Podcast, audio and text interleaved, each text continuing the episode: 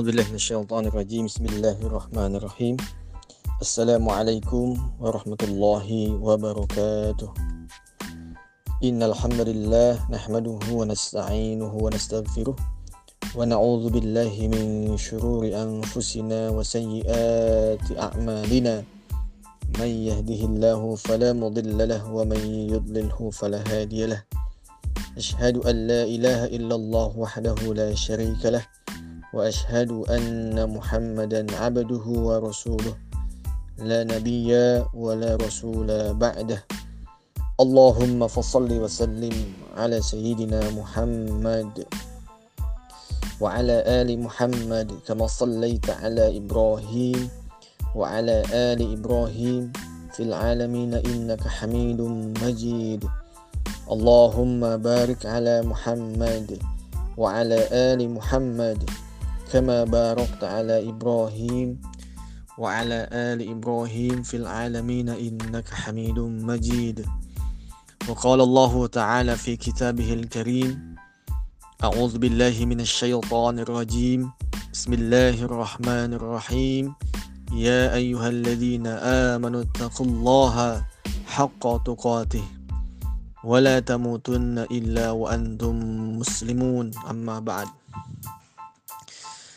Ma'asyiral muslimin, sahabat ampuh yang dirahmati Allah Subhanahu wa taala.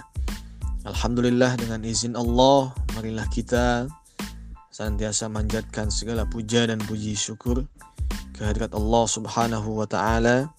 Salawat dan salam semoga Allah tetap limpah curahkan kepada baginda Nabi kita Nabi Muhammad sallallahu alaihi wasallam. Tak lupa kepada segenap keluarganya, sahabatnya, tabi'in, tabi'it tabi'in dan mudah-mudahan sampai kepada kita selaku umatnya yang senantiasa istiqomah berjuang untuk untuk menerapkan semua ajaran yang diwajibkan kepada kita semua. Nah, baik, ma'asyiral muslimin, sahabat ampuh, rahimakumullah. Malam ini dengan izin Allah kita kembali akan membahas tentang politik, Islam politik dan spiritual. Tema yang akan kita bahas pada malam ini yaitu bagaimana cara Islam mengatasi masalah mafia pangan. Baik Ikhwan Fiddin, kaum muslimin rahimakumullah. Bicara masalah Islam tentu kita mesti faham Islam itu bukan hanya sebatas agama ruhiyah saja. Tapi Islam itu adalah konsep tatanan kehidupan. Konsep-konsep aturan kehidupan. Maka Islam itu disebut dengan ad-dinu al-islamiyu. Ya, seperangkat aturan-aturan yang mengurus tentang kehidupan. Nah, maka dengan demikian Islam ini adalah konsep kehidupan yang lengkap, konsep kehidupan yang sempurna, dan tidak ada bandingannya. Maka kalau kita bicara masalah Islam bukan hanya sebatas ibadah mahdoh saja, tapi Islam mengatur semua urusan-urusan umat. Islam mengatur urusan-urusan politik, ekonomi, budaya, dan juga sistem atau juga aturan kehidupan. Nah, salah satu konsep yang dibahas dalam pandangan Islam di antaranya adalah masalah pangan. Jadi bagaimana Islam ya kalau kita bicara masalah pangan tentu ini yang yang paling penting Islam mengajarkan kepada kita bahwa pangan ini adalah kebutuhan. Kebutuhan yang di sana memang kondisi atau juga keberadaan negara harus hadir. Negara harus bisa menjamin kebutuhan pangan ya rakyatnya. Sebab pangan ini adalah kebutuhan yang memang menjadi ujung tombak. Allah Subhanahu wa taala menjamin bahwa wa ma min dabbatin fil ardi illa 'ala Allahi rizquha. Semua binatang yang melata yang hidup di muka bumi ini Allah menjamin rezekinya. Nah, mewujudkan jaminan tadi tentu Allah Subhanahu wa taala memandatkan kepada wakilnya, dialah pemimpin, dialah kepala negara yang menjadi khalifah wakil Allah. Maka khalifah itu mewakili Allah untuk mewujudkan amanah, mandat dan kedaulatannya. Nah, salah satunya adalah bagaimana bicara masalah pangan. Ya, tentu yang pertama adalah pangan ini kewajiban negara. Kewajiban yang memang wajib ditunaikan oleh kepala negara, oleh seorang imam sebagai wakil Allah untuk menjamin kehidupan rakyat, kehidupan manusia. Sebab pada hakikatnya kalau kita bicara masalah pangan itu adalah bicara masalah ekonomi. Dan ekonomi paling tidak bicara masalah konsumsi, bicara masalah produksi, dan bicara masalah distribusi. Nah, yang pertama adalah bicara masalah konsumsi ya. Ya, tentu ini adalah jaminan bahwa semua makhluk yang hidup di muka bumi ini harus betul-betul bisa mendapatkan konsumsi, bisa mengakses, bisa dijamin kelangsungan kontinuitas kehidupannya. Maka di sanalah negara mesti ya menjadi wujud perwakilan Allah untuk menjamin kehidupan dan juga konsumsi yang dibutuhkan oleh manusia. Begitupun juga dengan produksi dan distribusi. Distribusi memastikan bahwa semua rakyat, semua makhluk, semua ya yang memang menjadi eh, apa namanya hidup di muka bumi ini juga mesti mendapatkan jaminan dan memastikan mereka bisa mengakses sampai ya kepada uh, tiap individu masing-masing. Jadi jaminannya bukan dalam sifat global, bukan dalam hitungan-hitungan yang sifatnya umum, tapi setiap individu itu punya hak dan kewajiban negara untuk menjamin kelangsungan hidupnya terutama adalah pangannya. Nah, maka dengan konsep inilah ya Islam berbeda tentang bagaimana eh, apa namanya cara pandang terkait dengan pangan. Nah, kalau kita lihat saat ini pengelolaan dalam sistem ekonomi kapitalis itu sangat jauh dengan Islam. Berbeda antara langit dan bumi. Dalam kapitalis kita lihat justru ya kebutuhan-kebutuhan pangan ini diserahkan kepada swasta bahkan kepada asing, bahkan kepada asing begitu ya. Kalau kita lihat kasus-kasus yang ya sangat begitu ya mencolok mata begitu, sangat uh, memprihatinkan kita sebagai negara ya uh, produsen terbesar minyak atau kelapa sawit di dunia. Ini ternyata rakyat kita miris ya, mereka antri berjam-jam, antri dengan antrian yang sangat panjang Bahkan ada yang sampai meninggal ketika ngantri untuk mendapatkan minyak goreng. Masya Allah. Ya, ini satu potret gambaran yang sangat-sangat memprihatinkan. Nah, ternyata kenapa? Dan bukan hanya minyak goreng sebetulnya, hampir semua ya pangan nanti akan mengalami hal yang serupa. Ya, kemudian masalah beras misalnya, kemudian masalah jagung, gandum ya, kemudian kedelai ya, ini juga sudah mulai begitu ya. Kemudian sebelumnya ada cabai yang sangat mahal dan lain sebagainya. Itu semua adalah satu masalahnya ya. Masalahnya sama masalahnya adalah negara tidak tanggung jawab negara berlepas tangan terhadap pengelolaan pangan yang itu adalah kebutuhan utama bagi rakyatnya apa bentuknya bentuknya negara abai dan menyerahkan masalah produksi pangan ini kepada swasta. Sehingga kelangkaan-kelangkaan masalah pangan ini disebabkan satu adanya kartel. Bagaimana produsen-produsen yang menguasai produksi pangan itu memonopoli bahkan juga ya menghentikan. Artinya apa? Mereka bersepakat, mereka bersekongkol tidak ya mengeluarkan produknya, tidak memasarkan produknya. Demi apa? Demi kelangkaan. Coba kita lihat saat ini begitu. Berapa bulan ke belakang langka sekali minyak goreng. Itu bukan tidak ada, ada sebetulnya. Bahkan diproduksi, tetapi mereka tidak membuka bahkan tidak menjualnya ke tengah-tengah pasar. Nah, kemudian saat harga ecerannya di apa namanya dilepaskan ya, tidak ditetapkan dan tidak dipatok oleh pemerintah, maka kemudian minyak itu tiba-tiba ya banyak di tengah-tengah pasar. Bahkan juga ya jumlahnya sangat melimpah ruah.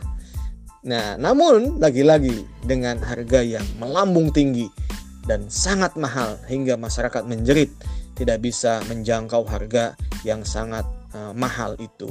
Nah, ini lagi-lagi sebetulnya kelangkaan itu dibuat diciptakan akibat persekongkolan para kapitalis yang sangat jahat itu. Ya, sebab mereka hampir menguasai produksi-produksi pangan, terutama minyak goreng. Sehingga ya ketika mereka bersekongkol untuk membuat langka atau juga tidak membuka ke pasaran ya minyak goreng itu mereka bisa melakukan itu semua. Nah, di situlah maka ketika itu terjadi negara tak berdaya, negara lemah melawan mafia ya mafia pangan ini, negara seakan-akan lemah tak berdaya, negara seperti ya apa namanya eh, eh, binatang yang sangat lemah sekali tidak bisa punya kekuatan. Padahal di tangan negara lah eh, kebijakan di tangan negara lah ya pasukan-pasukan. Dan juga di tangan negara lah segala ya kekuatan itu ada. Dan rakyat itu hanya bertumpu kepada penguasa pemimpin ketika kondisi ini ya terjadi. Tetapi lagi-lagi masyarakat hanya bisa menjerit masyarakat hanya bisa menangis. Bahkan juga masyarakat bingung ketika ya semuanya dikuasai oleh mafia-mafia pangan. Nah, lantas bagaimana ketika kondisi ini akan terus ada dan memang sengaja lagi-lagi negara tidak bisa ya eh, bentuk nyatanya adalah bagaimana Menag ya menyampaikan permohonan maaf tidak bisa mengendalikan harga dan juga tidak bisa begitu ya membuat bagaimana minyak goreng ini dinormalkan kembali. Nah, Ikhwan Fiddin kaum muslimin rahimakumullah para peserta kajian ampuh yang dirahmati Allah Subhanahu wa taala. Inilah potret ya demokrasi yang dibajak oleh para kapitalis. Demokrasi yang dibajak oleh para oligarki ya yang menguasai sekelompok kecil yang dikuasai oleh sekelompok kecil yang menguasai ya eh, apa namanya produksi pangan kita yang padahal itu adalah hajat hidup masyarakat dan juga hajat hidup orang banyak. Namun ketika ini diserahkan, lagi-lagi negara tidak hadir di sana, maka yang ada adalah ya permainan. Nah, kemudian juga yang paling penting yang mesti kita uh, fahami di samping tadi ya, di samping bagaimana pengelolaannya ya atau juga uh, dikuasainya pangan ini oleh mafia-mafia yang kedua ada salah kelola. Ketika sistem ini juga ada salah kelola begitu ya. Jadi ketika eh, apa namanya mengelola pangan ini tidak menggunakan sistem yang kuat, sistem yang baik yang ada malah justru ya salah kelola.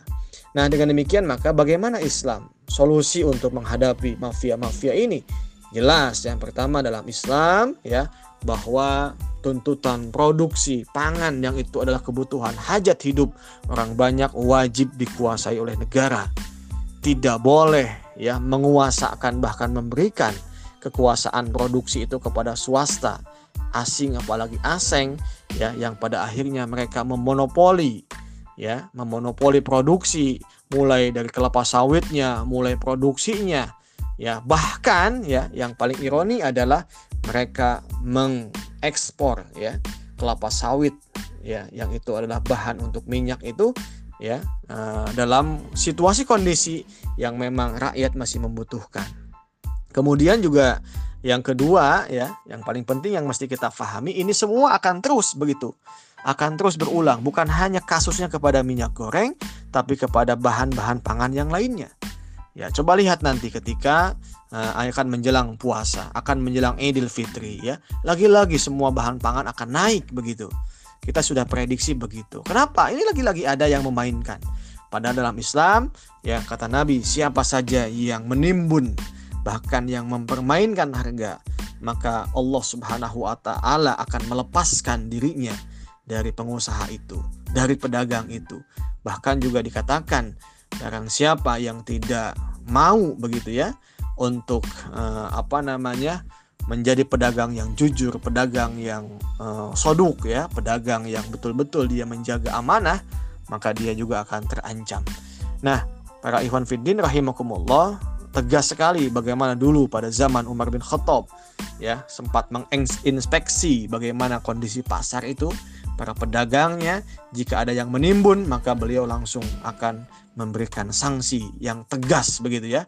Bahkan ditutup ya tempat usahanya. Kalau saat ini mestinya ditutup produksinya diambil alih begitu ya aset-asetnya. Bahkan juga ya tidak boleh mereka mendapatkan izin untuk melaksanakan operasi atau juga produksi uh, pangan itu begitu. Nah, tetapi itu ya dalam Islam. Nah, saat ini kita tidak menyaksikan itu semua. Yang ada malah rakyat yang menjerit, rakyat menderita, bahkan juga rakyat mendapatkan situasi kelangkaan untuk mendapatkan minyak goreng. Nah, Iwan Fidin kaum muslimin, rahimakumullah. Jadi sekali lagi inilah potret nyata bagaimana gambaran ya sistem demokrasi yang pada akhirnya dibajak oleh para kapital, para pemilik modal, para oligark ya yang jelas-jelas menguasai semua produksi pangan sejak hulu sampai dengan hilirnya. Ini adalah membuktikan potret bagaimana Ya sejatinya demokrasi itu untuk rakyat yang ada malah untuk penguasa dan untuk pengusaha ya. Penguasa tidak punya kekuatan ketika dihadapkan dengan pengusaha yang justru mereka memberikan modal ya, modal untuk kekuasaan mereka bisa menjabat ya, bahkan untuk bisa menjadi pemimpin-pemimpin di negeri ini. Nah, maka marilah kita kembali kepada Islam ya, bangun atau juga uh, kesadaran kita tentang bagaimana Islam itu adalah ajaran sistem kehidupan yang datang dari Allah dan sebagai bukti kasih sayang Allah kepada manusia. Lagi-lagi Allah sayang kepada manusia. Maka kenapa manusia tidak mau begitu ya? Ya, mendapatkan atau juga mengambil ya salah satu ajaran ini dan menerapkannya dalam semua aspek kehidupan. Maka solusinya terapkan Islam secara kafah dalam semua aspek kehidupan terutama kehidupan yang sedang kita jalani saat ini. Ya, mulai dari kehidupan ekonomi, sosial, politik, dan juga kemasyarakatan. Insya Allah, jika kita ya menjalankan dengan penuh keimanan, ketakwaan, maka Allah akan menurunkan ya berkah dari langit dan bumi. Begitupun juga kita akan menjadi masyarakat yang baldatun, tayyibatun, rabbun ghafur. Kembali kepada Islam kafah, jadikan Islam sebagai solusi atas problem mafia atau kelangkaan pangan ini. Mudah-mudahan kajian pada malam ini ya membuka kepedulian kita, membuka pikiran kita dan juga membuka iman kita untuk menjadi seorang muslim yang betul-betul menjalankan Islam secara kafah. Mohon maaf jika ada kesalahan. Itu saja mungkin yang dapat sampaikan. Hadanallah wa iyyakum ajmain. Assalamualaikum warahmatullahi wabarakatuh.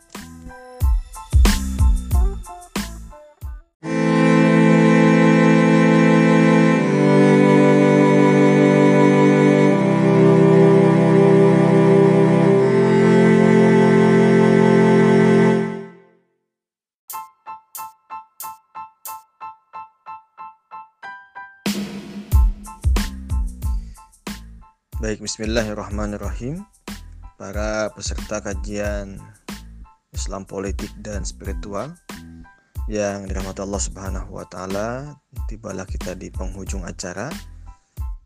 Uh, pada intinya pembahasan yang kita kupas pada malam ini tentang bagaimana Islam memberantas mafia-mafia pangan ini ya. Jadi pada intinya uh, apa namanya dalam pandangan hukum ekonomi Islam atau sistem ekonomi Islam bahwa negara ini ya harus bisa menjamin kebutuhan setiap ya rakyatnya dan pangan ini menjadi kebutuhan pokok yang menjadi tugas dan tanggung jawab kewajiban negara untuk menjaminnya. Maka dalam Islam ya kebutuhan pangan ini harus wajib bahkan dikelola oleh negara ya disediakan untuk rakyat ya bahkan juga ya apa namanya disajikan disediakan dengan cuma-cuma dan dipastikan bahwa ya konsumsi, produksi dan distribusinya itu sampai kepada semua individu ya, rakyatnya setiap apa individunya ya. Jadi tidak dalam uh, bentuk yang penting ada tidak ya. Pastikan kepada setiap individu dan bisa mengaksesnya dengan mudah begitu. Itu kewajibannya. Nah, sedangkan dalam sistem ekonomi kapitalis tidak begitu.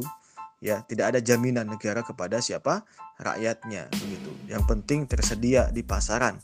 Nah, apakah mampu atau tidak rakyat itu tidak apa namanya bukan menjadi kewajiban negara. Itu kesalahan fatal. Ya, yang kedua adalah ya tadi jika ada ya tindakan-tindakan kartel yang dilakukan oleh produsen ya dalam apa namanya mengelola melakukan tindakan penimbunan atau juga upaya kartel supaya menaikkan harganya maka ini adalah tindakan yang zalim. Ya tindakan yang wajib untuk disanksi tegas. Bahkan tindakan kejahatan harus ditutup bahkan juga tidak diberi lagi ruang untuk memproduksi usaha itu. Ya apalagi kalau dalam jumlahnya yang sangat besar yaitu menimbun begitu ya.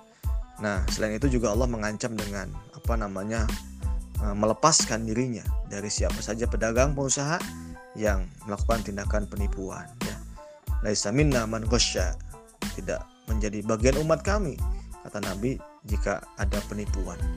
Ya, mudah-mudahan kita sangat rindu sekali bagaimana Islam ini menjadi landasan tata kelola dalam semua aspek kehidupan, mobil khusus dalam tataran tatanan kehidupan ekonomi kita, ekonomi yang berbasis kepada Islam ekonomi yang berbasis kepada aturan Allah Subhanahu wa taala. Mudah-mudahan ya kejadian ini menjadi pelajaran bagi kita bahwa pada intinya ya para penguasa, pengusaha dan yang membuat undang-undang itu semua ya adalah bagian konspirasi ya untuk mengkhianati rakyat.